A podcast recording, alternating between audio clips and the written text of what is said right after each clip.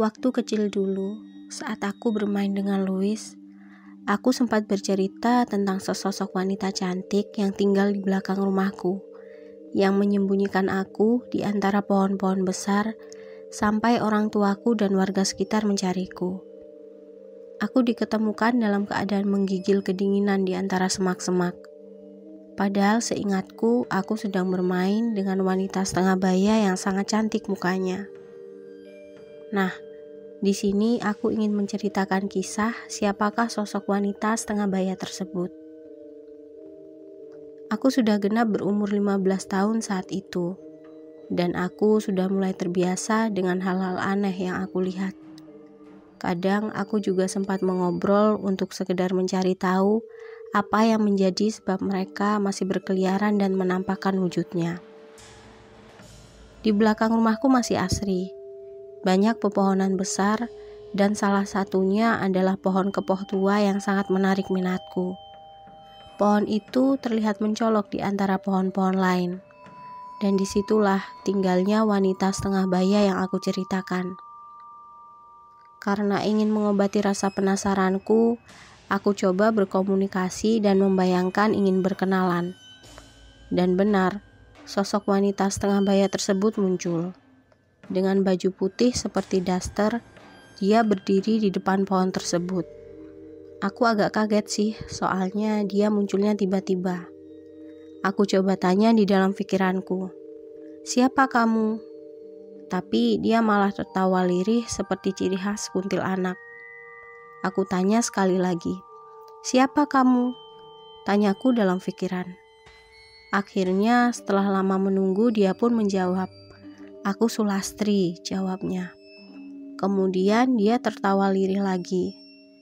Seperti ini cara dia menjawabnya agar kalian bisa tahu betapa merinding kalau mendengarnya. Aku Sulastri. Nah, seperti itulah kira-kira dan sebenarnya dia menjawab dengan bahasa Jawa, tapi sudah aku translate ke bahasa Indonesia. Sejak kapan kamu ada di situ? Dia pun menjawab, Aku sudah lama. Dari kapan? Dari tahun 1969. Kenapa kamu sangat suka dengan anak kecil? Aku ingin ketemu sama anakku. Memangnya anakmu ke mana? Dibawa suamiku pergi. Loh, kok kamu tidak menyusul anakmu? Akhirnya dia pun menceritakan masa lalunya. Intinya, Sulastri ini adalah sepasang keluarga kecil yang bahagia dengan satu anak. Tapi naas, kebahagiaan itu telah direnggut darinya karena suaminya tergila-gila dengan seorang penari sinden. Tanpa sepengetahuannya, ternyata suaminya telah berselingkuh dengan sinden tersebut, sampai akhirnya terjadi keributan yang besar dalam keluarganya. Sulastri ingin dimadu oleh suaminya, tapi dia menolak. Suaminya memaksa bahwa akan meninggalkannya kalau tidak mau dimadu. Dan malapetaka tersebut terjadi. Suaminya kabur dengan membawa anaknya pergi tidak tahu ke mana. Karena tekanan hidup yang berat dan kerinduan ingin bertemu dengan anaknya, akhirnya dia memutuskan untuk gantung diri di kebun belakang rumahku tersebut. Aku sempat meneteskan air mata saat mendengar ceritanya. Sedih hatiku melihat kisahnya. Lalu aku melanjutkan pembicaraanku dengannya. Apa kamu sudah tahu sekarang anakmu di mana? Dia menjawab, Sudah dengan suamimu juga. Dia agak marah saat aku bertanya tentang suaminya. Tidak, mereka semua sudah meninggal dua tahun kemarin. Anakku meninggal karena sakit, dan suamiku meninggal saat mengendarai motor. Aku yang membunuhnya. Loh, kok bisa kamu membunuh suamimu? Aku semakin tertarik dengan kisah Sulastri.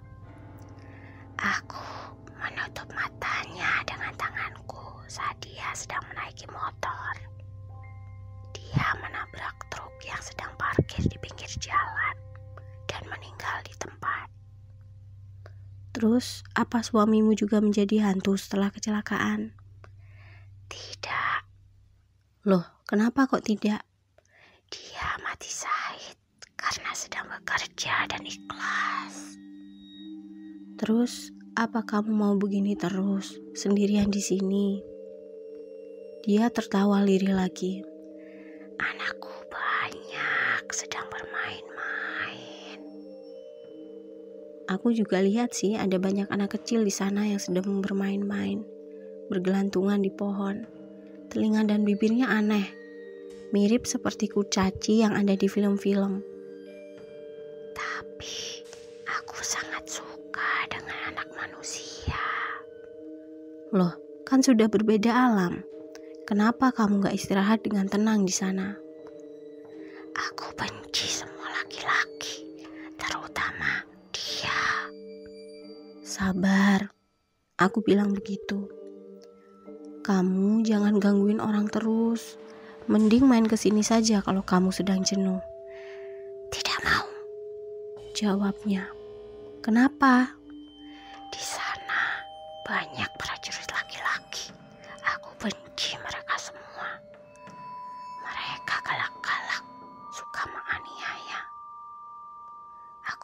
sini bermain dengan anak-anakku.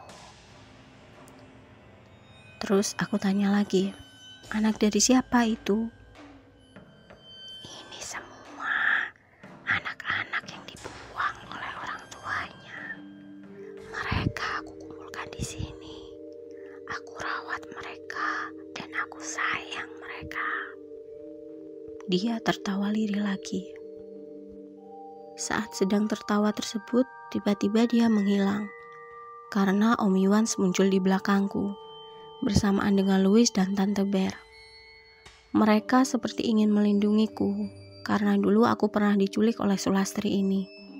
Louis memegang tanganku, dan Tante Bear dan Om Iwans hanya menatapku tanpa mengatakan sepotong kata pun. Kalian pasti penasaran kan kenapa Tante Bear tidak pernah ngomong sama aku? Tonton di video keluarga tak kasat mata Iwans van der Slux dan akan dibahas di situ semuanya. Dan menurut pendapatku, sosok Sulastri ini sebenarnya tidak jahat. Dia hanya rindu dengan anaknya yang dibawa kabur oleh suaminya dan juga rasa benci terhadap laki-laki. Aku merenung sejenak karena kasihan dengan kisah Sulastri ini.